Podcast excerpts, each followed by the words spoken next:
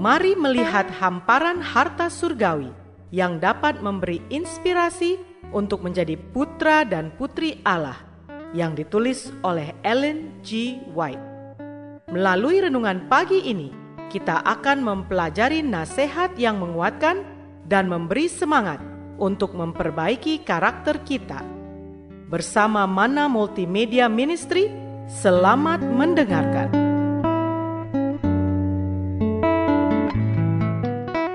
Shalom, selamat pagi saudaraku. Renungan pagi kita hari ini, 8 Januari, berjudul Kita adalah anak-anaknya laki-laki dan perempuan. Bersama saya, Naomi Panjaitan. Ayat intinya diambil dari 2 Korintus 6 ayat 17 dan 18. Demikian firman Tuhan.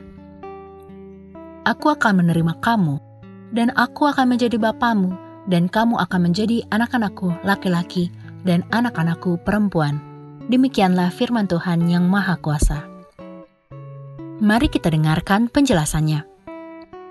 Khalik alam semesta menyebut engkau sebagai Bapa yang penuh kasih sayang.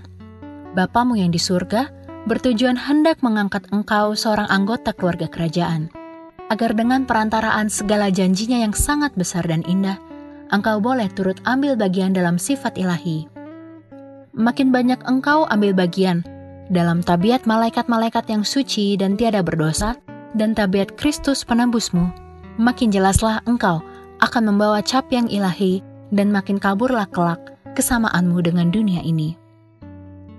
Aku akan menerima kamu, dan aku akan menjadi bapamu, dan kamu akan menjadi anak-anakku laki-laki dan anak-anakku perempuan.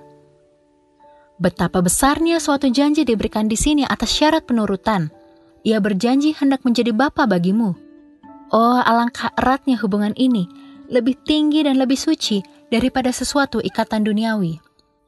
Kalau engkau mengadakan korban, kalau engkau harus meninggalkan bapa, ibu, saudara-saudara perempuan, saudara-saudara laki-laki, istri dan anak-anak, karena Kristus, maka bukannya engkau tidak akan bersahabat lagi. Allah mengangkat engkau ke dalam keluarganya, engkau menjadi anggota rumah tangga kerajaan, putra dan putri raja yang memerintah dalam langit segala langit. Kalau engkau menyebut Allah Bapamu, maka engkau mengaku dirimu sendiri anak-anaknya, untuk dituntun oleh hikmatnya dan untuk menurut di dalam segala perkara, karena mengetahui bahwa kasihnya tiada berubah adanya. Engkau akan menerima rencananya untuk hidupmu. Sebagai anak-anak Allah, engkau akan meninggikan kehormatannya, tabiatnya, keluarganya, pekerjaannya sebagai tujuan-tujuan perhatianmu yang tertinggi. Itu akan menjadi kesukaan bagimu, mengakui dan menghormati hubunganmu kepada Bapamu dan kepada tiap-tiap anggota keluarganya. Saudara-saudara yang kekasih di dalam Tuhan, Allah adalah Bapa kita, orang tua yang lemah lembut dan selalu memikirkan anak-anak rohaninya ia dijanjikan hendak menjadi pelindung, penasihat, penuntun, dan sahabat bagi semua orang yang menurut kepadanya. Doa kita hari ini. Bapa, terima kasih melalui renungan pagi ini kami boleh belajar bahwa kami telah Engkau angkat masuk ke dalam keluarga kerajaan surga menjadi anak-anakmu. Terima kasih melalui renungan pagi ini kami diingatkan bahwa kami turut ambil bagian dalam sifat ilahi.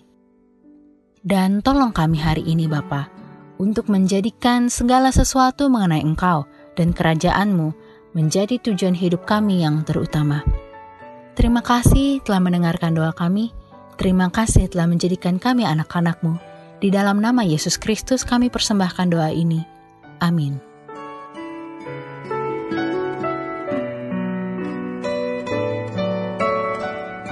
Demikianlah tadi pembahasan tentang menjadi putra dan putri Allah. Semoga firman Tuhan hari ini menjadi berkat bagi Anda. Sampai jumpa, Tuhan memberkati.